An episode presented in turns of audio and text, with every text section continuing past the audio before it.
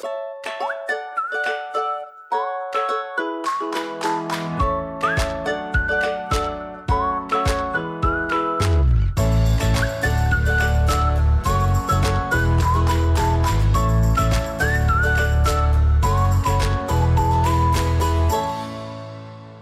allemaal en welkom bij de Wat ik wou dat ik wist podcast. De podcast waarin ik deel wat ik wel eerder had willen weten en verhalen vertel waar jij als twintiger hopelijk in herkent.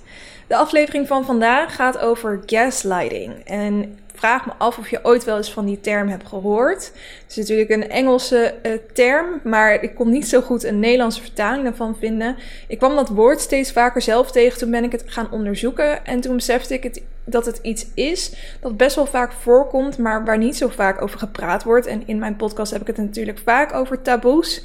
Um, om heel kort te zeggen, het is een vorm van emotioneel manipuleren, waarbij iemand eigenlijk constant twijfel zaait over jouw gezonde verstand. Uh, verderop in deze aflevering gaan we daar nog verder op in. Maar ik zal eerst, net zoals elke week, eventjes uh, uh, wat vertellen over mijn eigen leven. Het hoogtepunt en dieptepunt van mijn week.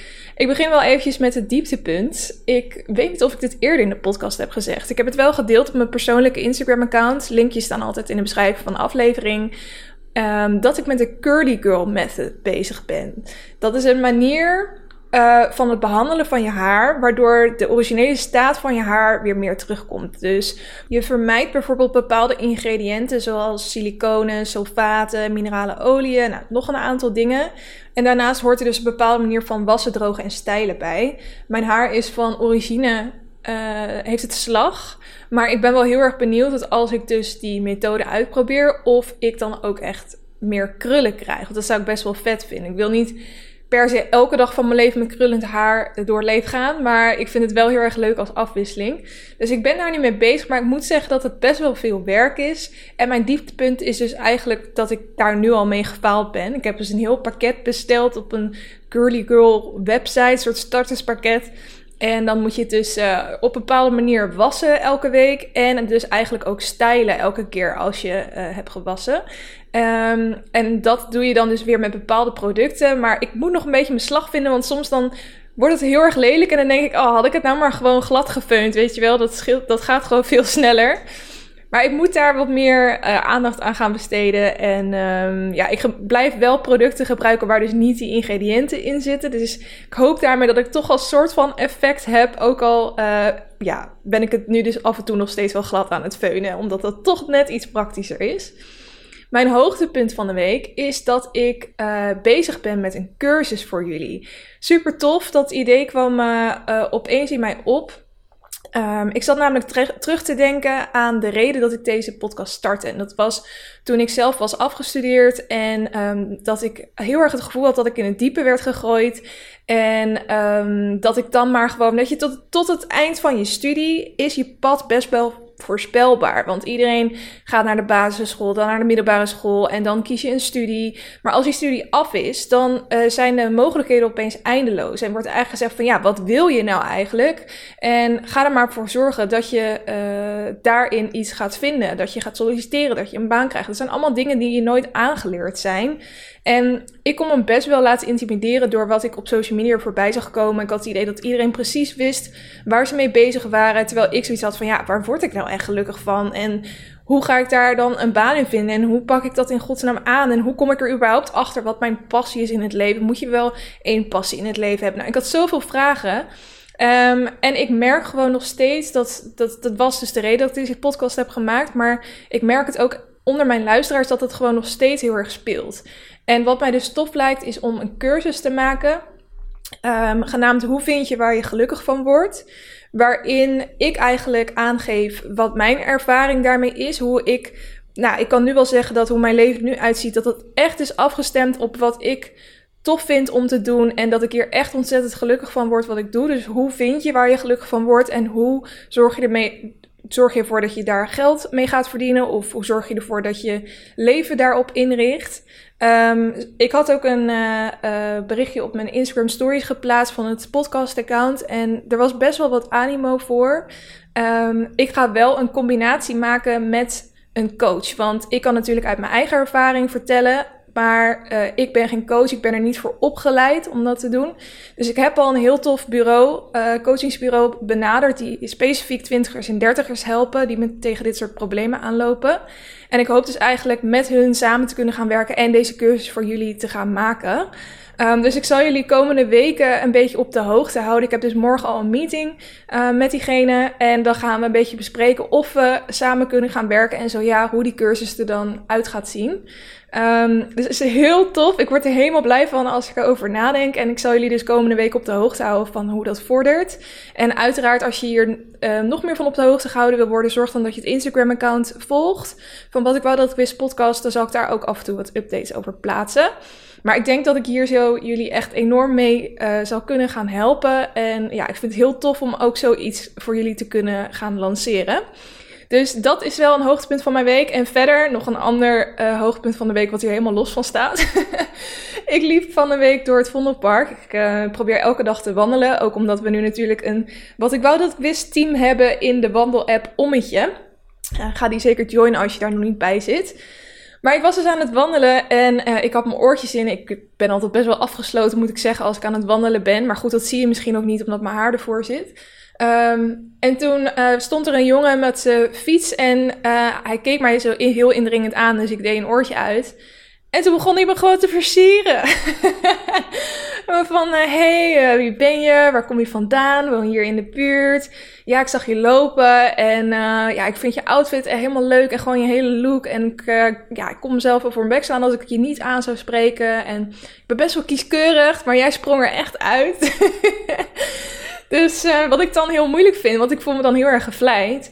Maar um, ja, ik wil dan toch ook wel soort van erin fietsen dat ik een vriend heb. Dus op een gegeven moment vroeg hij van, woon je hier in de buurt? Ik zeg, ja, ja, ik heb daar zo in die buurt een uh, appartementje met mijn vriend. Een heel leuk appartement, heel erg naar mijn zin, bla, bla, bla.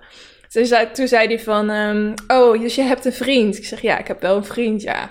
Maar dus nog niet getrouwd? Ik zeg, nee, ik ben nog niet getrouwd, nee. Oh, maar dan kunnen we toch nog wel een keertje afspreken. Alles kan kapot. ik zeg, nou, dat zie ik niet zo zitten. Zei, maar we kunnen het ook als vrienden afspreken. Toen zeg ik, nee, nee, sorry, dat zie ik ook niet zo zitten. Maar ik vind het wel een heel groot compliment. Dankjewel dat je me aan hebt gesproken. Nou zo liep het hem dus een beetje met een sisser af. Hij zei nog wel van... Uh, um, hij woonde zelf volgens mij in um, een rivierenbuurt, whatever. Dus zei hij van, nou als ik je ooit door de rivierenbuurt zie lopen, uh, wie weet uh, dan, dat ik je dan wel mee naar huis kan nemen. oh man, ik word daar echt altijd een beetje verlegen van. Maar ik vind het wel echt een compliment en sowieso echt lef. Gewoon, je hebt wel echt ballen als je dat doet. En ik vind dat daar nog steeds best wel wat voor te zeggen is. Daten en uh, überhaupt mensen tegenkomen gebeurt nu natuurlijk voornamelijk online. En ja, ik vind dat toch jammer. Ik heb ook daar een hele aflevering over gemaakt. En er zijn ook best wel wat mensen die het best wel jammer vinden dat we. Um, ja, dat het allemaal online gebeurt. Want je krijgt gewoon niet zo heel, heel iemands um, hoe moet ik dat zeggen, uitstraling mee. En dat vind ik super belangrijk altijd. Um, overigens, als je daar geïnteresseerd in bent, dit was niet per se een jongen waar ik zelf op was gevallen. Dus dat maakt het afwijzen ook wel wat makkelijker. Maar ik vond het wel echt onwijs lief en dus echt heel stoer dat mensen dat gewoon doen. Ik, uh, daar ben ik zeker voor in ieder geval. Um, Oké, we gaan door naar het volgende, naar het lekker loeren blokje, waarin ik op een luchtige manier de week met je doorneem en um, kijk wat er allemaal is gebeurd in Celebrityland. Ik heb weer wat nieuwtjes voor je op een rijtje gezet. Um, ten eerste las ik dat uh, Claire, kleine Claire van Chateau Meiland, die natuurlijk eigenlijk wel in elke aflevering te zien is, niet meer te zien mag zijn in de afleveringen. En dat is omdat kinderen Um, maar vijf dagen van haar leeftijd, want ze is pas drie, um, maar vijf dagen per jaar op tv mogen zijn, omdat dat op tv zijn als werk gezien wordt. En ze zijn dus aangesproken door het ministerie van Sociale Zaken en Werkgelegenheid dat dat zo is. En um, dat zij dus eigenlijk niet meer te zien mag zijn in de volgende afleveringen. Nou, zelf zijn ze daar niet zo uh, uh, enthousiast over. Um, ze zeggen ja, het is erg jammer, ook voor de kijkers. Claire hobbelde altijd gewoon mee, maar de inspectie doet net alsof ze hard aan het werk is. Um, en ze zeiden ook, als wij nu aan het draaien zijn en Claire zit ergens waar wij moeten zijn, dan moet zij uit beeld. Um, de producent is met een advocaat bezig om te kijken of we er iets tegen kunnen doen, want het is niet werkbaar. De eerste drie afleveringen is er waarschijnlijk nog wel te zien. Maar ja, daarna kwamen er twee dames van de inspectie. Ja, ik weet niet zo goed wat ik daarover moet zeggen. Want ik vind bijvoorbeeld wel als kinderen Uh, in een musical spelen, er zijn natuurlijk ook regels voor dat ze maar x aantal avonden in de week dan, uh, uh, of in het jaar mee mogen doen. Ja, daar zo zijn, zijn ze dan echt weken hard voor aan het trainen. En ze, ze moeten er heel veel tijd in steken die ze dan niet in school kunnen steken, bijvoorbeeld. Dus ik snap dat daar zo regels voor zijn. Maar dit is wel een heel erg grijs gebied. Waarbij ik dan ook denk van ja, moet je dat dan. Ik, ik vind het eerder een ethische discussie of je een kind dat zelf nog niet begrijpt dat het door miljoenen uh, Nederlanders wordt bekeken op tv. Of je zo iemand dan uh, gewoon zomaar mag filmen en op tv uitzenden. Maar goed, dan heb je waarschijnlijk toestemming van ouders nodig en die vinden het natuurlijk fantastisch. Maar ik zou eerder die discussie aangaan dan op deze manier de discussie van ja, ze is aan het werk. Want dat vind ik niet helemaal opgaan in dit geval. Maar goed, volgens de regels is het dus wel zo. Dus um, ja, vanaf nu zal ze dus een stuk minder te zien zijn in de afleveringen. Dan nog heel kort over Temptation Island voor de mensen die uh, de ontknoping van afgelopen donderdag hebben gezien, waarin je Denise en Marco zag. Um, ja, ze zijn dus alsnog wel samen. Maar wat er is gebeurd is dat Marco nadat ze thuis kwamen van Temptation Island alsnog is vreemd gegaan met Tahira. Hij is op haar verjaardagsfeestje langsgekomen en daar zo hebben ze dus gezoend. En hij heeft dat opgebiecht aan uh, Denise en die was er niet blij mee. Maar ze heeft hem dus wel weer uh, gewoon teruggenomen. Ik vind het een vaag verhaal. Ze hebben dus ook wel uh, de, de bruiloft afgezegd. Want uh, Marco was dus gewoon op zijn knieën gegaan in de laatste aflevering.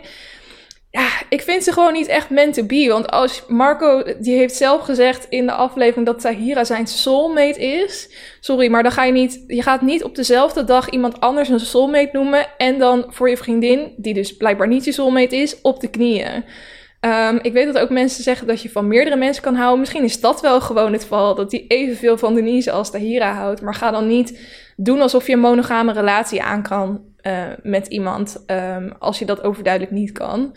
En ook wel een beetje sneu voor Denise. Ik weet niet. Ik vind het. Uh, ook als ik hun video's kijk samen. Ik word er een beetje uh, ongemakkelijk van of zo. Als, het voelt niet legit. I don't know. Ik weet niet zo goed hoe ik het moet opschrijven. Maar goed, dat kort over Temptation. Uh, een ander programma. Ik was afgelopen uh, weekend tv aan het kijken. ik zeg dat zo omdat wij eigenlijk nauwelijks meer de tv aandoen om te zappen. En als je dan bij...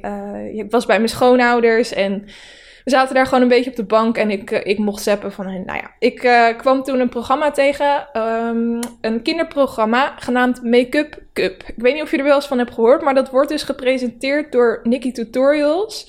En het is dus een uh, wedstrijd voor kinderen um, die de beste uh, make-up looks kunnen maken. En die worden dus beoordeeld door Nicky de Jager. En um, ik vond het echt bizar wat een talent die jonge kinderen al hebben. Er zaten twee jongens in en twee meiden. Wat ik ook heel tof vind, is dat dus de kinderen die in deze tijd naar tv kijken, gewoon jongens op tv zien die zelf uh, vol passie bezig zijn met make-up. Toen ik opgroeide bestond dat echt nog niet. Uh, toen was het ook zoals überhaupt jongens alleen al nagelak op hadden. Eeuw, waarom doe je dat? Waarom doe je alsof je een meisje bent, weet je wel? En natuurlijk, dat zal nog steeds wel gaande zijn op uh, basisscholen. Maar dit helpt wel een beetje aan de verandering daarin. Nou ja, ik zag dus dat bepaalde mensen doorgingen naar de finale. Maar wat nu dus het nieuws is, waardoor ik het ook online tegenkwam, is dat er een tweede seizoen is aangekondigd. Dus het is echt ook daadwerkelijk een succes qua kijkcijfers. En ik vind het ook heel tof dat uh, Nikki Tutorials zich hiervoor leent. Um, want zij kan natuurlijk ontzettend veel dingen doen uh, met haar tijd en enorm bereik, waar ze misschien veel meer geld voor binnenhaalt. Maar dat ze dit soort dingen doet, vind ik wel echt, uh, echt een heel nice. Tot slot, laatste nieuwtje. Uh, Gordon heeft een petitie opgezet tegen online haters. En daar heeft hij al meer dan 20.000 handtekeningen voor opgehaald. Hij had in eerste instantie gedacht dat hij ongeveer 5.000 zou verzamelen. Nou, het ging al snel naar 10.000 en toen 20.000. Um, en hij wilde die petitie nu dus gaan overhandigen aan het kabinet. Hij zegt: Met het aanbieden van de petitie wil ik bewerkstelligen dat, dat anoniem reageren op internetfora en andere social media niet meer mogelijk wordt. En hij wil dat er een identiteitsbewijs aan een account op social media wordt gekoppeld. Ook vindt hij dat er wetgeving moet komen rondom grensoverschrijdende uitspraken of het aanzetten tot haat tegen een persoon of geloof. Nou, dat doet hij natuurlijk omdat hij regelmatig doodsbedreigingen naar zijn hoofd krijgt gegooid. Ehm, hij uh, kwam er ook al met suggesties om ervoor te zorgen dat haten en schelden via social media niet meer anoniem mogelijk is. Um, hij was ook een avond op Clubhouse en toen zei hij dat hij bijvoorbeeld uh, inlogs wil koppelen aan DigiD of aan het PSN-nummer van Nederlandse uh, burgers. Um, en eerder had hij ook al uh, 16 anonieme reageerders op de website van Mediacourant. Uh, die allemaal haatzaaien en discriminerende teksten over de presentatoren had geplaatst. Die heeft hij aangeklaagd en nu is het open, meer Openbaar Ministerie aan het kijken um, ja, naar die zaak. En of er dus tot vervolging over kan worden gegaan. Dus hij is hier heel erg mee bezig. En ik vind ook echt belangrijk dat hier meer over uh, gepraat wordt. Ik weet alleen niet of wat hij zegt, dat ik, ja, ik ben het eens dat mensen niet meer uh, zomaar overal anoniem op mogen reageren, omdat je ziet dat het best wel, um, ja, de, de verkeerde kant op gaat eigenlijk. Dat het vaker misbruikt wordt, die mogelijkheid, dan gebruikt. Alleen wat ik, wat ik dan wel weer heftig vind, is als straks, stel dit zou doorgaan, hè, dit zou aangenomen worden, dan zou dat betekenen dat al je social media kanalen gekoppeld worden aan je DigiD of PSN nummer dat is volgens mij super schadig gevoelig. Want um, onze privacy is natuurlijk al uh, ver te zoeken online. Als je dan ook nog je DigiD of PSN-nummer eraan gaat koppelen. En het wordt gehackt of wat dan ook. Ik wil niet eens weten wat dan de mogelijkheden voor hackers zijn die dan al jouw gegevens hebben. Ik weet daar ook het technische verder niet van. Maar ik kan me voorstellen dat dit uh, ja, erg, als je het dan vergelijkt met de online privacy en de hele beweging die daarover gaande is, dat dit niet zomaar iets is wat uh, men gaat invoeren. Dus ik ben wel heel erg benieuwd wat hieruit gaat komen. Ik weet ook niet zo goed wat dan wel een goede uh, oplossing zou zijn. Ik ben ook benieuwd hoe jij hierover denkt. Uh, mag je natuurlijk altijd laten weten via Instagram en wat ik wou dat ik wist podcast. Oké, dan gaan we door naar het volgende en dat is het lekker leven blokje. Waarin ik allerlei tips geef om je leven leuker te maken eigenlijk. En de eerste tip die ik wil geven is een tip die ik van een van jullie heb gekregen. Ik noemde in een eerdere aflevering namelijk dat ik me aan het verdiepen ben in beleggen. En dat ik daarvoor een boek heb gekocht genaamd Blondjes beleggen beter. De schrijfster zag ik trouwens ook afgelopen weekend op tv. Ik heb zo op tv gekeken. valt ook wel mee, maar ze kwam toevallig voorbij. En toen maakte ook weer allerlei rake opmerkingen. Ik heb het boek nog niet uit, maar iemand gaf dus ook een luistertip. Uh, namelijk Jong Beleggen, de podcast. En dat zijn uh, twee jongeren. Of nou, jongeren, hij is 30 en ik weet eigenlijk niet hoe oud zij is. Maar uh, de podcast zit zo in elkaar dat hij is iemand die vorig jaar is begonnen met beleggen. En dus vertelt over zijn avontuur en wat hij daarin allemaal leert. En zij is degene die hem daarover interviewt. En hij is heel open over wat voor beleggingen hij doet en hoe hij daarover nadenkt. En vooral de eerste drie afleveringen zijn eigenlijk een soort introductie in de wereld van beleggen in Jip en Janneke taal. En dat laatste gedeelte in Jip en Janneke taal vind ik heel handig, omdat heel vaak als het over beleggen gaat, dan vind ik het veel te ingewikkeld en saai en droog. En de manier waarop zij er met elkaar over praten, Um, ja, dat neemt je gewoon best wel mee in het hele verhaal. En wat, het is ook best wel slim dat ze eigenlijk tegenover hem iemand hebben gezet die helemaal niet met beleggen bezig is en er heel weinig van weet. Want elke keer als hij iets zegt waarvan ik denk, oh ja, dit is weer van die taal van beleggers die ik niet snap. Dan zegt zij, hé, hey, maar wat bedoel je daar nou mee? Dus dat is super handig. Uh, dus ik vind het een mega leuke podcast. Volgens mij gaan ze ook ontzettend goed.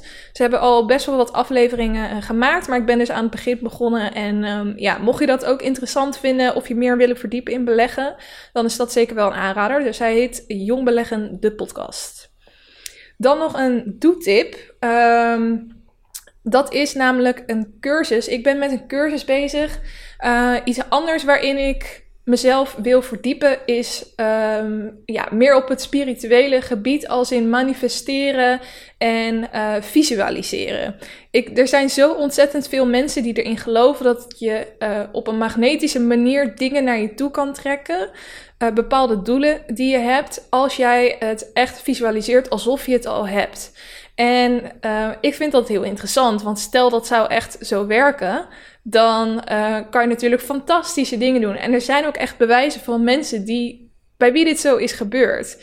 Um, En ik, nou ja, zoals jullie weten ben ik best wel rationeel ingesteld, maar heb ik altijd wel zoiets van ik moet me wel voor alles openstellen. Dus ik ga soms juist mezelf in uh, buiten mijn comfortzone zetten om te kijken of dat echt niet iets is dat werkt. Dus daarom had ik ook bijvoorbeeld dat boek gelezen van uh, Eckhart Tolle, Leven in het Nu of De Kracht van het Nu.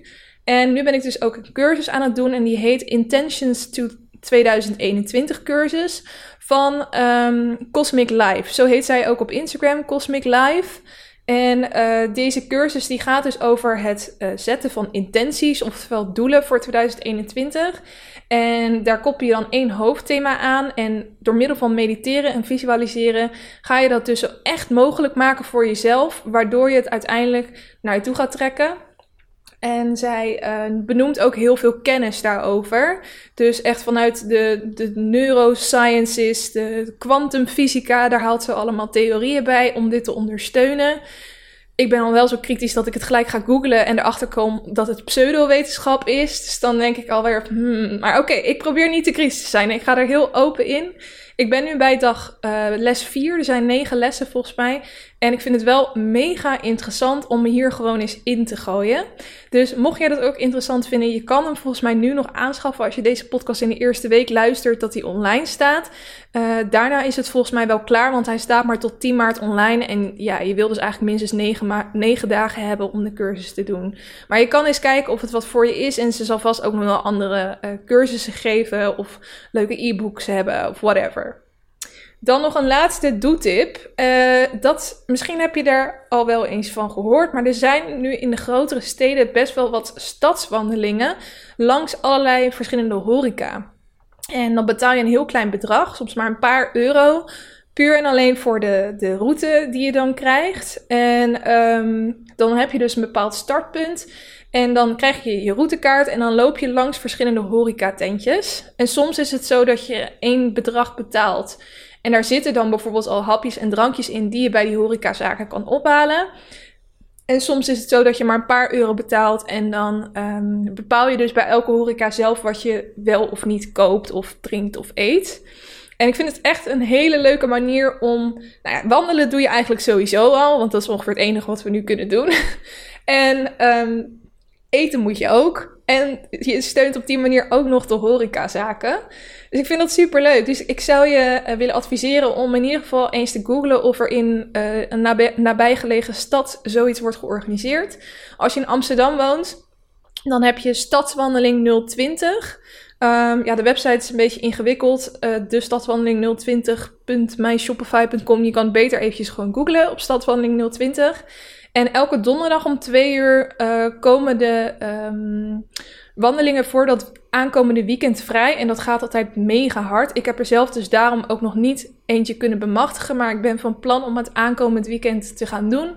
Maar ik wil dat je gewoon alvast uh, tippen. Um, nu het nog kan. Want ik weet ook niet hoe lang ze dit blijven doen. Dus um, ja, lekker wandelen en eten en drinken klinkt als een toptijd. En zeker nu het ook zo mooi weer is. Het is zo mooi weer deze week, jongens. Echt genieten. Oké, dat waren al mijn tips voor het lekker leven blokje. Dan is het nu echt tijd om door te gaan naar het hoofdonderwerp: gaslighting. Nou, zoals ik al zei aan het begin van deze aflevering, kwam ik die term gewoon steeds vaker tegen: gaslighting. En ik dacht, wat is dat nou? Ik ga dat toch eens eventjes uitzoeken. En toen kwam ik erachter dat het iets is waar heel veel mensen mee te maken krijgen, maar iets wat ze misschien niet direct doorhebben, terwijl het wel heel veel negatief effect op je leven kan hebben.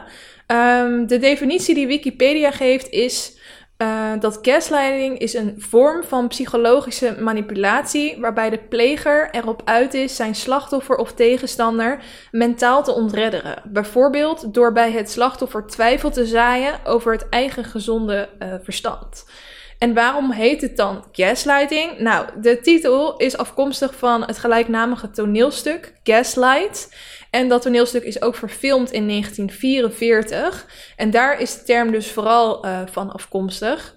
Nou, ik zal bijvoorbeeld eventjes twee voorbeelden geven uit die film waar dat gaslighting, want het is dus een, uh, een belangrijk onderwerp in die film, uh, in naar voren komt.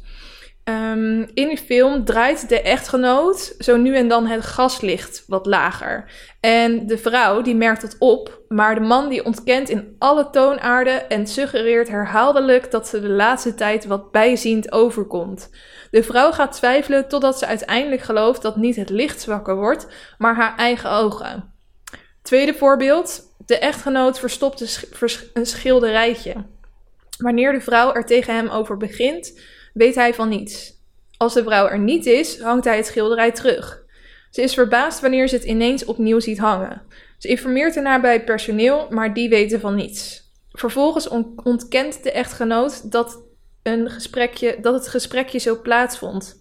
Het ging over het schilderijtje, maar niet dat het weg zou zijn. Hij voegt eraan toe dat hij zich zorgen maakt dat ze naar een dokter moet en dat hij vreest dat er iets met haar geheugen of haar verstand is. Haar zelfbeeld brokkelt verder af. Nou, dat zijn twee hele duidelijke voorbeelden van gaslighting. Dus eigenlijk um, ja, stelt diegene gewoon non-stop vraagtekens bij de manier waarop jij dingen ziet. Terwijl zij eigenlijk degene zijn. Jij ziet de, de situatie hartstikke goed. Maar zij doen jou zelf eigenlijk twijfelen aan je eigen verstand, aan je eigen waarnemingsvermogen. En gaslighting is een best wel verborgen probleem. En het komt in allerlei verschillende situaties en relaties voor. Uh, het meest natuurlijk in liefdesrelaties. Maar je ziet het ook bijvoorbeeld tussen ouders en kinderen, in vriendschappen, in werkverhoudingen. En het stomme is dat het vaak heel subtiel uh, gebeurt. Dus degene die erin zit, die heeft het heel vaak niet door, uh, waardoor het best wel snel kan uh, verergeren. Um, dat gaslighten, dat gebeurt eigenlijk altijd tussen twee personen. En degene die het doet, die heeft heel erg graag de macht over een ander. En hoe zorgt hij dan dat hij de macht heeft over een ander? Dat doet hij door de ander onzeker te maken. Bijvoorbeeld door dingen die gebeurd zijn gewoon glashard te ontkennen of door het compleet uh, te verdraaien.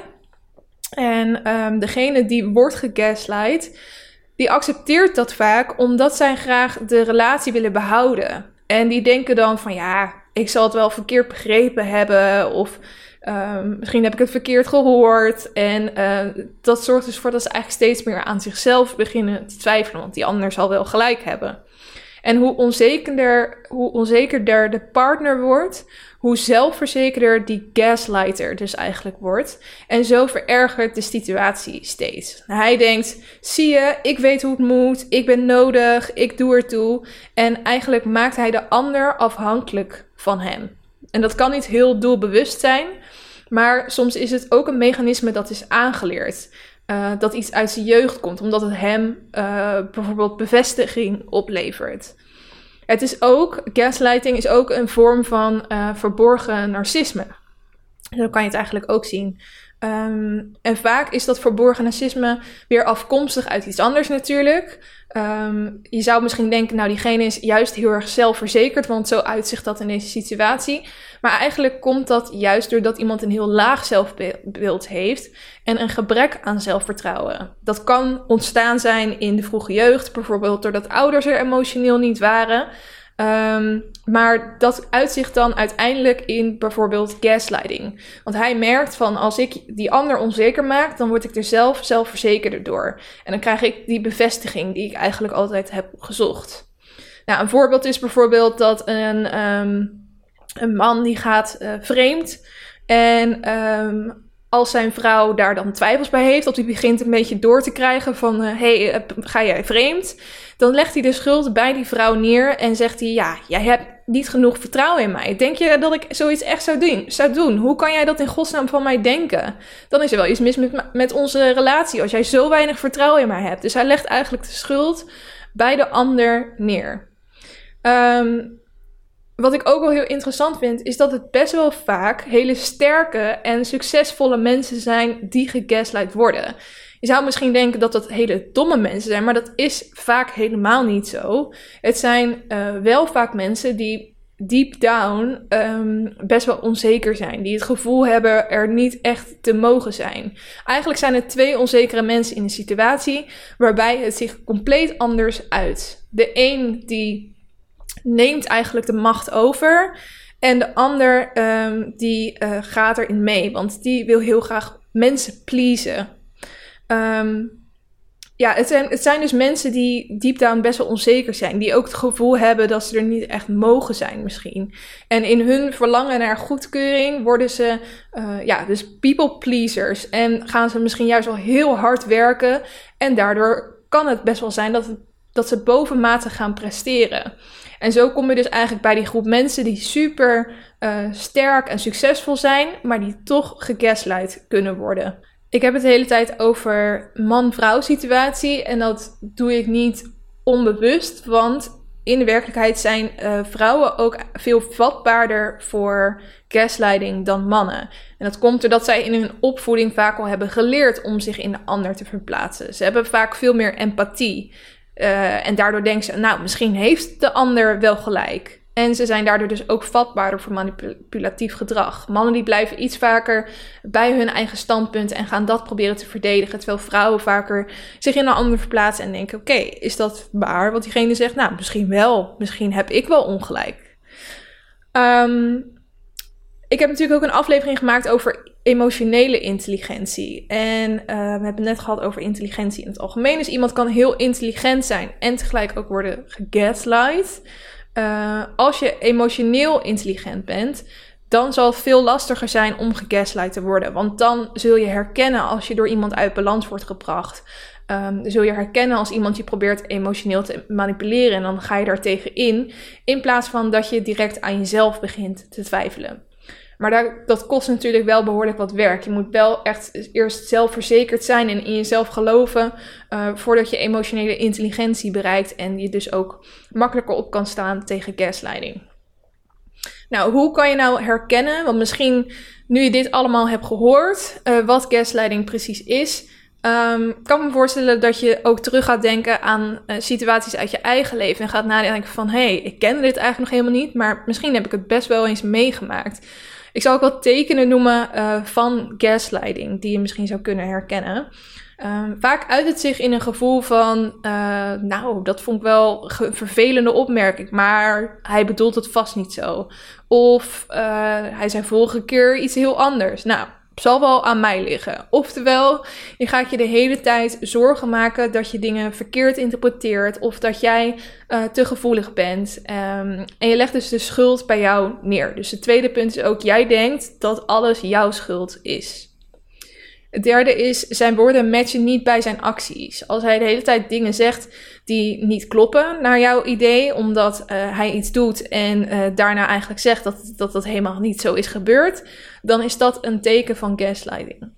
Iets anders kan ook zijn dat je het steeds moeilijker vindt om uh, beslissingen te maken. Vaak zie je dat bij gaslighting um, degene die gegaslight wordt heel erg gaat leunen op de ander, omdat zij heel graag in deze uh, relatie willen blijven. Ze hechten daar heel veel waarde aan. En hoe onzekerder degene die aan het gaslighten is jou maakt, hoe meer jij uh, aan jezelf begint te twijfelen en uh, hoe moeilijker je het ook vindt om beslissingen te maken. Dus als jij denkt van ja, die ander heeft er meer verstand van en ik laat diegene het wel doen, dan kan dat een teken zijn van gaslighting. Um, je ziet dan ook vaak dat die mensen zich steeds meer gaan excuseren voor van alles. Want zij zullen het zelf al fout hebben gedaan. Uh, en daarnaast, omdat je nog steeds houdt van diegene die jou aan het gaslighten is, of jouw vertrouwen bij diegene hebt neergelegd, ga je diegene ook verdedigen uh, bij andere mensen. Ook al denk je misschien niet dat diegene gelijk heeft, diegene heeft jou aangepraat dat hij gelijk heeft. Ze schuiven de schuld ook uh, weg van degene die gaslighten, die schuiven de schuld weg van zichzelf naar jou. Um, waardoor jij dus elke keer het idee hebt dat het aan jou ligt. En iets anders, um, dat ze best wel schizofreen kunnen zijn in de manier waarop ze met je omgaan. Dus als Um, de partner waar je nu aan moet denken, of dat nou op werkgebied is, of je ouder of je geliefde. Het ene moment zijn ze boos op je, en het andere moment vinden ze je fantastisch en uh, sweep it under the rug, om het zomaar even te zeggen, hebben ze het er niet meer over. En denk jij, huh? Um, dus het, het, het, brengt je ook best wel uh, in de war. Dat is het laatste punt. Je voelt je in de war of onzeker over je eigen uh, geheugen. Nou, hoe uitzicht dat dan? Dat kan zich bijvoorbeeld uiten in de volgende uitspraken. Misschien heb je ze wel eens gehoord. Nou, wat zeg jij nou? Jij bent echt gek. Of doe niet zo dramatisch of gevoelig. Of ach, ik maakte gewoon een grapje. Doe toch niet zo moeilijk. Of ik zou dat nooit doen. Denk jij echt zo over mij? Of ja, dat is niet waar. Jij probeert de situatie te verdraaien. Of waarom kruip jij altijd in de slachtofferrol? Of dat zei ik niet. Jij hebt me verkeerd verstaan. Of waarom moet je daar nou weer over beginnen? Of jij maakt altijd zo'n big deal van de kleinste dingen. Dat zijn een aantal voorbeelden. Het zijn eigenlijk voorbeelden van of emotionele uh, manipulatie in het algemeen. Maar ze kunnen ook een voorbeeld zijn van gaslighting. En ik heb ook nog wat uh, voorbeeldsituaties gevonden op een bij een artikel van Psychologie Magazine. Ik zal weer de bronnen die ik heb gebruikt voor deze aflevering in de uh, beschrijving zetten. Um, zij hebben drie voorbeelden. Het eerste voorbeeld. Je geliefde laat dagen niet van zich horen. Net als je denkt, zo wil ik niet doorgaan, duikt hij op met een bos bloemen of appt hij dat hij die avond heeft gereserveerd in je favoriete restaurant. Als je je ergernis laat blijken, zegt hij verontwaardigd: Ik ben er nu toch? Niet zo moeilijk doen hoor, we gaan een heerlijk avondje hebben. De betoverende gaslighter brengt je aan het twijfelen over jezelf door je enerzijds op een nare manier te behandelen en je vervolgens het gevoel te geven dat jullie relatie zo bijzonder is. Tweede voorbeeld. Het is een drukke periode op je werk. Iedereen werkt langer door. Jij moet de oppas op tijd aflossen en geeft aan dat het jou dus niet lukt om langer door te werken. De joviale leidinggevende heeft alle begrip. Goed dat je aangeeft dat het te veel voor je is, zegt ze. Maar je voelt je niet opgelucht. Heeft zij nou het idee dat de baan te zwaar voor je is? Je besluit de oppas te vragen langer te blijven en toch over te werken. Dit wordt ook wel respectloze toegevelijkheid genoemd. Hierbij schuilt er minachting achter de vriendelijke instemming. Derde voorbeeld. Tijdens je verjaardagsfeest hou je een speech waarbij je zegt hoe blij je bent met iedereen. Na afloop neemt je moeder cool afscheid. De volgende dag bel je haar op. Ze zegt: Ik ben echt aangedaan door het feit dat je je vader en mij zo hebt genegeerd. Jij verdedigt je eerst nog, zegt dat je toch niemand persoonlijk hebt toegesproken. En zij zegt: Maar wij zijn toch niet iedereen, wij zijn je ouders. Gedurende die dag denk je steeds vaker: Wat lomp dat ik helemaal niet aan hen heb gedacht. Zo weet de intimiderende gasleider je een schuldgevoel te bezorgen. Nou, dat zijn eigenlijk allemaal uh, voorbeelden daarvan die je misschien kan herkennen. Um, maar hoe kan je nou eigenlijk echt uitzoeken of jij uh, gegaslight wordt? Want zoals ik al zei, is het dus iets dat best wel onbewust kan gebeuren of erin kan kruipen en uh, verergeren. Het eerste wat je kan doen is als jij een naar gevoel hebt na zo'n discussie die je hebt gehad. En een discussie waarbij je het idee hebt dat jij niet echt serieus bent genomen. Of dat die um, ja, jou, diegene jouw uh, gevoelens helemaal niet serieus neemt of zegt van, nou, daar, daar heb jij helemaal geen gelijk in, waardoor jij aan jezelf begint te twijfelen. Probeer dan die discussie eens uit te schrijven. Woord voor woord, zo goed je hem nog kan herinneren. En probeer er dan eens met een objectief oog naar te kijken. Je kan natuurlijk ook aan een derde voorleggen. Dus bijvoorbeeld een vriend of vriendin opbellen die er objectief naar kan kijken. En gewoon heel serieus voorleggen van ja, ik heb het idee dat er, dat er iets mis is in onze communicatie. Dat ik, dat, ja, ik voel me er naar door. Kan jij eens kijken van, nou, dit, dit is precies wat er is gebeurd. Dit is precies wat er is gezegd. Is er iets ongezond aan deze discussie? Misschien kan zo iemand wel met een veel objectievere blik er naar kijken dan dat jij kan. Want als je zelf eenmaal in zo'n situatie zit, is het natuurlijk best wel lastig om er nog objectief naar te kijken. Um, maar dan komt nog een punt, hoe stap je eruit? Als je eenmaal door hebt van oké, het, uh, ik word gegaslight, ik voel me hier niet fijn in. Um, hoe ga ik ervoor zorgen dat ik niet meer op deze manier emotioneel gemanipuleerd word? Dan is het je taak om jezelf te gaan trainen hoe je op een andere manier kan gaan reageren. Dus niet op het moment dat uh, de gaslighter bezig is, um, direct aan jezelf gaan twijfelen, maar eigenlijk reflecteren op de situatie en er wat mee doen. Stel, uh, er is een discussie gaande. Laat die gaslighter dan vooral zijn standpunten maken, maar ga er niet in mee. En als hij gaat gaslighten, stop dan het gesprek en wijs diegene op wat hij doet. En dat kan best wel moeilijk zijn, want ja, het is gewoon de. Uh, het hele idee is natuurlijk dat die gaslighter jou van je stuk brengt en uh, ervoor zorgt dat je gaat twijfelen aan jezelf. En het is super lastig om dan sterk te zijn en uh, te zeggen dat je ja, hier niet in meegaat.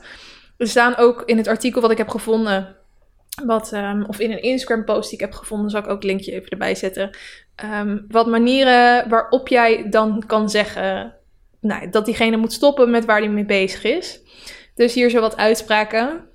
Ik ga niet discussiëren met je over wat ik weet dat waar is. Of ik herinner me dat anders. Of mijn gevoelens en perceptie van wat er gebeurd is doen ertoe. Ook al begrijp je het misschien niet of ben je het er niet mee eens. Of als je blijft doorgaan met alles betwijfelen wat ik zeg, ga ik niet door met dit gesprek. Dat zijn een aantal manieren. Het zijn wel, sommige zijn misschien wat officieel verwoord. Dan kan ik me voorstellen dat het niet heel natuurlijk in een gesprek is. Maar probeer je eigen vorm van deze zinnen te, te vormen, eigenlijk. Om um, ja, het er toch op een bepaalde manier voor te zorgen dat diegene doorheeft waar die mee bezig is. En dat dat niet een gezonde manier is van discussiëren. Want het, het hoeft natuurlijk niet per se opzettelijk te zijn vanuit diegene. Het kan ook dus komen doordat diegene dat ook zelf, bij diegene zelf is gebeurd. Als hij in zijn opvoeding zelf constant, constant gegaslight wordt, dan um, kan het zijn dat hij degene dat overneemt en dat hij misschien wel denkt dat dat een gezonde manier van converseren is met je partner. Dus probeer diegene eerst dat duidelijk te maken. En natuurlijk, als je al veel te diep in zit, uh, ga dan alsjeblieft met iemand praten die hier professioneel verstand van heeft. Um, ik heb ook op mijn Instagram gevraagd um, nou, een aantal dingen over gaslighting. Ik ga dat er nu eventjes bij pakken. Ten eerste heb ik gevraagd of mensen weten wat gaslighting is. Um, ehm, 28% zei ja en 72% zei nee. Dus het overgrote deel weet eigenlijk nog niet uh, wat gaslighting is. Daarna heb ik de uh, Wikipedia definitie geplaatst en gevraagd: denk jij, wel, denk jij dat je wel eens door iemand gegaslight bent? Daarop zei 42% ja en 58% nee. Dus bijna de helft. En tot slot vroeg ik: uh, ja, als het je wel eens is overkomen, wil je ervaring dan met me delen, zodat ik het kan vertellen in de podcast. Ik hou die mensen natuurlijk anoniem. Nou, er zijn daar wat aantal antwoorden op gekomen.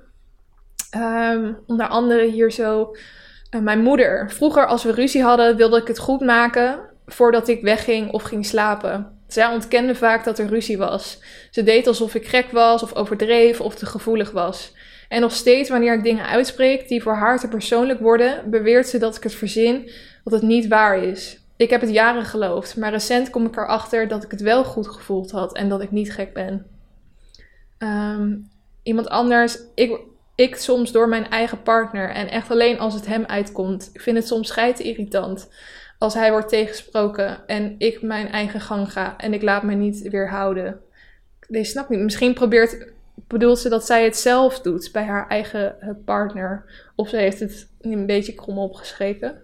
Um, iemand zegt, oef, ik had ooit een baas die niet anders deed. Weg zelfvertrouwen. Dat is ook natuurlijk verschrikkelijk in een, zakelijke situatie waarbij iemand anders ook nog eens überhaupt meer macht heeft dan dat jij hebt. Kijk, in een liefdesrelatie dan uh, zit je nog een beetje op hetzelfde niveau. Dan hoort in ieder geval de balans uh, er te zijn.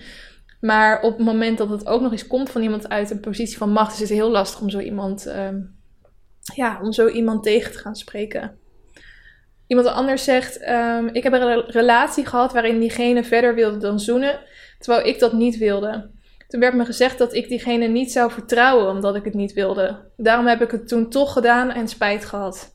Iemand anders zegt: Ik had een stagebedrijf die mij verkeerd behandelde. En toen ik voor mezelf opkwam, vonden ze me zwak en ontkenden ze alles wat ze deden. Ja, opnieuw weer zo'n werksituatie. Ik heb ook nog wat DM's gekregen. Die ga ik er eventjes uh, bij pakken. Um, ik ken het woord gaslighting niet, maar het is mij zeker wel eens overkomen. Ik had ongeveer drie jaar een vriend en toen kwam ik erachter dat hij vreemd was gegaan. Toch bleef hij volhouden dat ik degene was die spoken zag. Dat ik hem niet vertrouwde, dat ik mentale issues had, dat hij altijd alles voor mij over had, maar dat ik hem niet waardeerde, hoe moeilijk dat voor hem was. Alsof ik de schuldige was, terwijl mijn bewijs waterdicht was. Hij wist alleen niet hoe ik het wist. Het was een toerist, dus hij dacht er wel mee weg te komen of zo. Dat manipulatieve gedrag vond ik nog erger dan het hele vreemdgaan. Echt een toxic relatie. Dus nou, ik zei ja, dat is inderdaad precies wat gaslighting is, wat naar zegt. Zei ze ja, het is al tien jaar geleden, maar ik word er gewoon weer boos als ik eraan denk. Ik zat toen sowieso in een moeilijke periode en dan pik je veel te veel in een relatie uit verlatingsangst. Zou mij nu nooit meer gebeuren. Goed dat je hier aandacht aan besteedt en ga zeker veel, met veel interesse luisteren. Ja, dat is echt het typische voorbeeld. Eigenlijk precies wat ik in deze aflevering heb, uh, heb omschreven. Iemand anders zegt: uh, Ja, ik heb zeker ervaring met gaslighting. Eerst pakte hij me helemaal in en was het met alles met mij eens. Helemaal op, et cetera. Vervolgens veranderde dit op een hele slinkse wijze. Steeds wat vaker liet hij blijken dat wat ik zei niet klopte. Hij zei dit zo overtuigend dat ik aan mezelf ging twijfelen.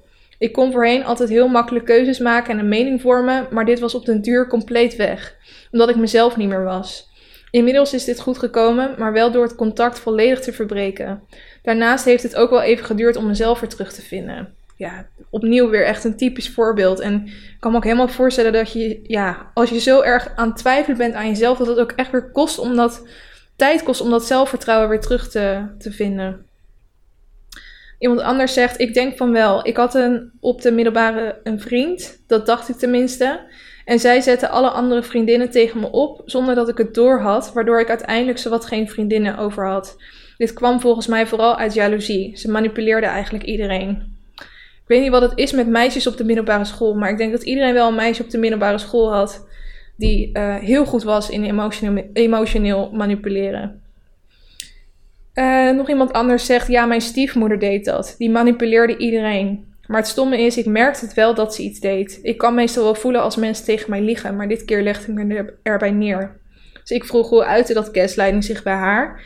Toen zei ze elke keer vertellen dat het zo was en dat ze niets aan dingen kon doen, maar stiekem wel alles tegen elkaar opstoken. Ik heb het idee dat schoonmoeders en moeders in het algemeen hier af en toe ook wel een handje van kunnen hebben. Ik wil niet zeggen dat mijn moeder direct aan het gaslighten is, maar um, ze is wel heel goed in mij schuldig laten voelen als ik uh, een weekend niet langs ben gekomen of uh, haar niet voldoende heb gezien als dat zij misschien zou willen.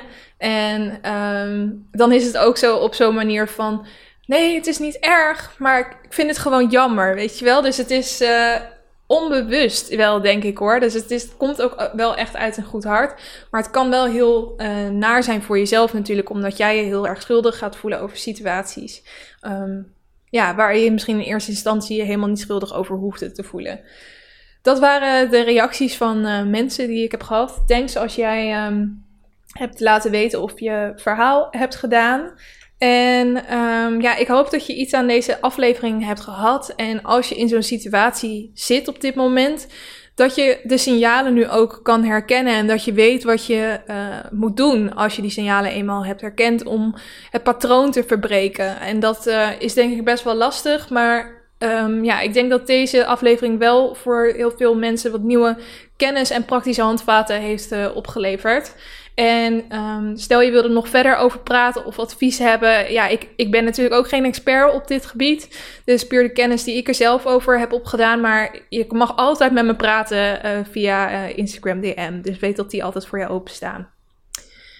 Oké, dan gaan we tot slot nog eventjes een challenge update doen. In de maand februari probeerde ik dus een maand lang niets uit te stellen. Ik ben er wel achter gekomen dat het een lastig meetbare challenge is. En het daarom ook lastig is om er elke week een update over te geven. Want het zijn soms echt van die momentopnames. Weet je wel, dat je. Soms gaat het heel goed en zit je in flow en ben je lekker bezig met van alles. En pak je alles aan. En een ander moment, dan gaat het gewoon helemaal niet. En dan uh, blijf je het liefst gewoon drie uur lang op de bank zitten. En ga je daarna pas een stofzuiger door het huis heen halen. Ja ik denk dat je energie gewoon überhaupt uh, gedurende de dag omhoog en omlaag gaat. En uh, zeker bij een vrouw gedurende de maand omhoog en omlaag gaat. En dat je jezelf daar ook niet te veel um, voor moet veroordelen. Dus misschien is dat ook wel mijn les van überhaupt deze challenge doen. En het is ook al wat sommige mensen zeiden toen ik deze, kondig, deze challenge aankondigde. Um, maar ja, het is wel echt zo. Desondanks is het nog steeds wel een handig geheugensteuntje voor mezelf. Dat ik mezelf niet um, te veel moet, uh, in de weg moet gaan zitten. Dat ik niet overdreven erg aan het, uh, aan het uitstellen ben. Want dat is me deze maand niet gebeurd, wat wel heel erg fijn is. Uh, volgende maand ga ik wel een iets beter te meten challenge doen. In de aflevering van vorige week zei ik dat ik twijfelde tussen twee challenges. Eentje um, waarbij het de uitdaging is om elke dag een nieuw iemand te benaderen. Voor wat dan ook, maar om je eigenlijk je kringen een beetje uh, uit te breiden. En uh, de andere challenge was om in één maand een nieuwe taal aan te leren. En ik heb besloten om de nieuwe taal aan te leren zeker nog een keer te gaan doen. Maar dat ik in de maand maart dus elke dag een nieuw iemand ga benaderen. Dus super leuk.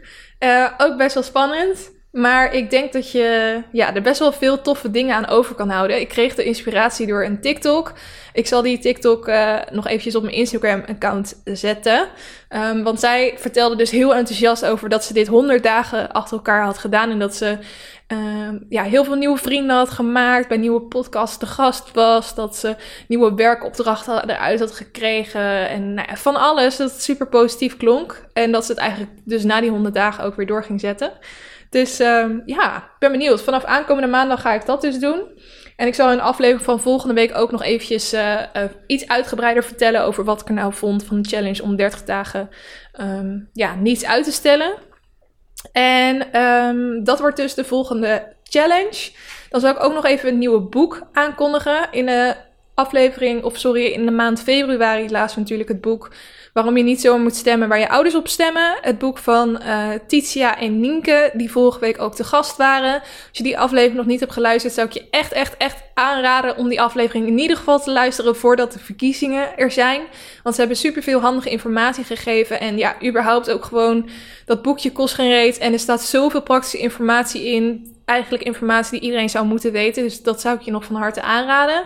Um, maar we gaan natuurlijk ook weer naar een nieuw boek toe in de maand maart.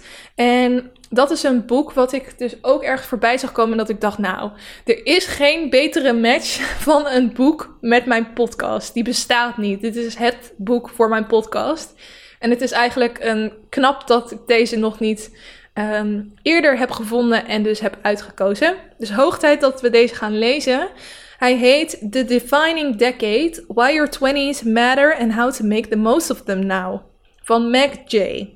Nou ja, als je die titel alleen al hoort, dan denk je toch, dat is de Wat ik wou quiz podcast. um, ik heb hem alleen in het Engels kunnen vinden. En ik vind het ook helemaal niet erg om in het Engels te lezen. Um, mocht jij dat vervelend vinden, kan je nog eventjes googlen of er echt niet een Nederlandse versie is. Maar um, is dus ook, de samenvatting is dus ook in het Engels. Ik zal hem kort even voorlezen. Hij is niet zo lang. The 30 is the new 20 culture tells us the 20 something years don't matter. Some say they are a second adolescence. Others call them an emerging adulthood. Jay draws from a decade of work with hundreds of 20 something clients and students to provide readers essential insights. Nou, dit boek wordt uh, super goed beoordeeld. Ik zie hier ook een review staan. Is misschien wel leuk om voor te lezen. Absoluut een enorme aanrader voor alle twintigers. Mac gelooft niet dat het leven pas begint bij 30. Je leeft nu en je tijd is kostbaar. Ze geeft praktisch advies op het gebied van werk, carrière, liefde en je lijf. Ze gebruikt hiervoor herkenbare voorbeelden en verhalen uit haar eigen praktijk en combineert dat met interessante inzichten. Weet je niet zo goed waar je met je leven naartoe wil, of je de juiste baan hebt, of je grote liefde ooit gaat vinden? Lees dit boek. Ik vond het enorm herkenbaar op heel veel gebieden. Het liet zien dat ik duidelijk niet de enige ben met bepaalde struggles. Dit boek heeft me gemotiveerd en geïnspireerd. Ik denk dat dit ook echt hele goede ja, heel goed huiswerk gaat zijn voor de cursus überhaupt ook. Dus uh, ik heb mega veel zin om dit boek te lezen. dus hij heet The Defining Decade: Why Your 20s Matter and How to Make the Most of Them Now. Uh, ik zal de titel ook weer even in de beschrijving van de aflevering zetten. En laat me dus zeker weten als je deze maand gaat meelezen. Um, in de Wat ik wou dat ik wist community, die onder andere bestaat uit de Discord channel, ga ik ook weer eventjes een nieuw kanaal aanmaken waarin we kunnen praten over dit boek. En hopelijk kunnen we aan het eind van deze maand, of van de volgende maand, sorry, van de maand maart, um, met een leuk groepje nog eventjes napraten over dit boek. Dus ja, dat uh, is het nieuwe boek. De nieuwe challenge heb ik benoemd. Zijn er nog andere dingen die ik moet noemen? Nee, ik denk dat dat het was. Nou, dan uh, wens ik je weer een fantastische week toe. Ik hoop dat je deze uh, aflevering interessant vindt. En hopelijk ben je er volgende week ook weer gezellig bij. Doei doei!